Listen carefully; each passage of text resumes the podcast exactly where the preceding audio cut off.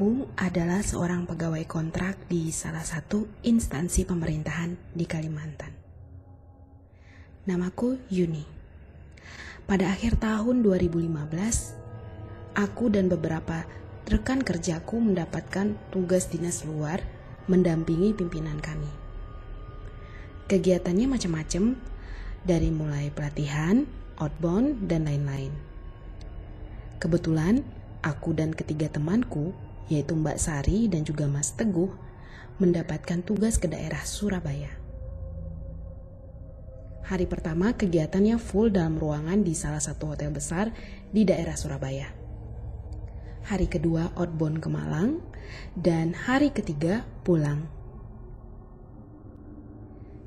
Nah, kejadian mistis ini terjadi pada hari pertama di mana aku dan kedua temanku capek sekali dan juga gerah ya di ruangan seharian. Jadi malam harinya kami berencana untuk ya jalan-jalan, nyari beberapa barang sekaligus pengen nonton juga. Kebetulan saat itu lagi heboh banget perilisan film 007 The Spectre. Dan kita bertiga itu setuju untuk nonton film itu kalau beberapa barang yang kami cari udah dapat. Sebenarnya masa tayang filmnya 007 ini udah mau habis karena di Kalimantan tempat kami kerja itu nggak ada bioskop ataupun mall. Jadi nggak bisa nonton pas sedang heboh-hebohnya. Jadi kebetulan sekali lagi keluar kota kami manfaatkan untuk nonton film ini. Ya biar nggak ketinggalan gitu ya. Nah, akhirnya kami pergi ke salah satu mall besar yang berada di Surabaya. Dan uh, begitu sampai di mall, kami langsung menuju bioskopnya untuk membeli tiket film tersebut. Karena filmnya dimulai jam 9 malam dan saat itu masih jam 7, jadinya kami keliling mall dulu, nyari barang, baru deh nanti disambung sama nonton.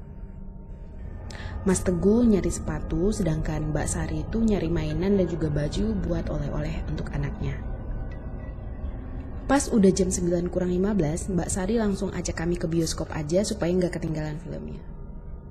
Dan kita pun menuju ke bioskop dan langsung masuk ke studio 2, lalu duduk sesuai dengan nomor tiket. Seperti biasa ya, namanya orang kampung datang ke kota besar, jadi pasti punya kebiasaan selalu foto-foto everywhere. Gak di hotel, gak di mall, gak di tengah jalan, ya pokoknya foto ya. Niatnya sih untuk mengabadikan momen yang mungkin gak bisa terulang kembali. Dan siapa sangka ya, aku beneran ngalamin hal yang bakal aku gak bisa lupain di sini. Nah, kegiatan foto-fotonya tadi tidak terkecuali di dalam bioskop tapi sebelumnya aku mau kasih tahu dulu kalau uh, kita tuh punya grup chatting dengan teman-teman kantor. Dan biasanya di grup ini kami tuh sering gunakan untuk nanya-nanya seputar urusan kantor atau share foto-foto saat lagi di luar. Kembali ke bioskop tadi nih. Kita tuh udah di dalam ruangannya ya. Udah beli makanannya dan juga udah duduk manis berjejer gitu. Nah karena saat itu udah malam, selain itu juga udah mau habis masa tayang filmnya, ya jadi yang nonton juga nggak begitu banyak lagi. Otomatis banyak kursi yang kosong. Rata-rata tempat duduknya yang terisi itu di bagian tengah aja, jadi kami termasuk yang di tengah itu. Sisanya itu di baris depan kami full, terus di baris belakang kami itu ada dua atau tiga orang gitu yang duduk. Terus di belakangnya lagi itu udah kosong semua, kiri kanan juga gitu ya. Nah, waktu di dalam bioskop sebenarnya tuh aku udah mulai ada rasa-rasa gak enak gitu ya dan agak-agak suram gimana gitu. Apa mungkin karena efek sepik tadi? Nggak tahu juga sih. Cuma ya karena kami bertiga juga jadi ya nggak begitu kupikirkan banget ya. Biasanya sebelum mulai film itu kan masih iklan-iklan aja tuh dan juga lampunya juga belum diredupin. Jadinya ya kami manfaatkan untuk foto-foto deh.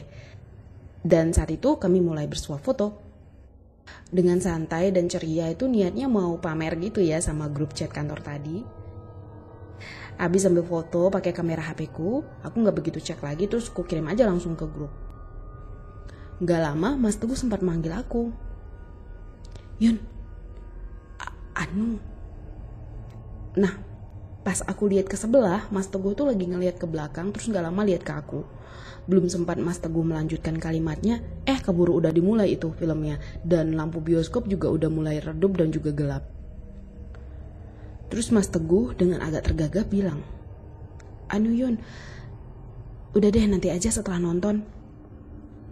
Ya aku tanpa mikir yang aneh-aneh ya udah deh, aku masukin aja HP ku ke tas dan juga lanjut nonton sampai dengan selesai.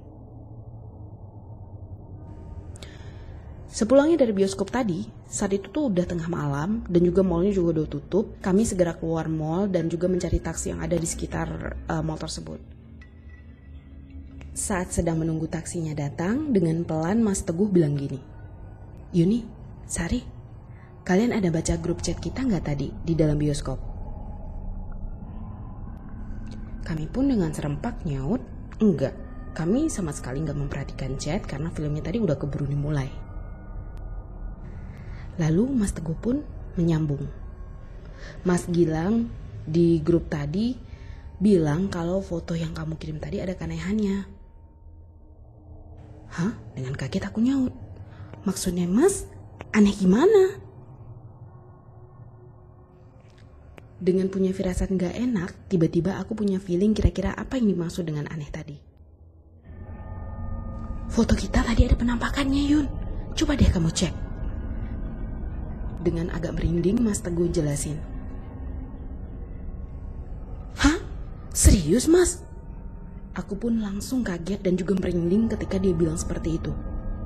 Dasarnya tuh aku tuh penakut banget. Mana saat itu udah tengah malam dan kami juga lagi di luar mal yang udah dimatiin lampunya. Alhasil gelap banget ya. Dan aku gak berani langsung ngecek fotonya di situ. Akhirnya aku bilang ke Mas Teguh, Duh mas, takut aku jadinya. Gak berani aku lihat di sini. Terus Mbak Sari juga langsung nyaut.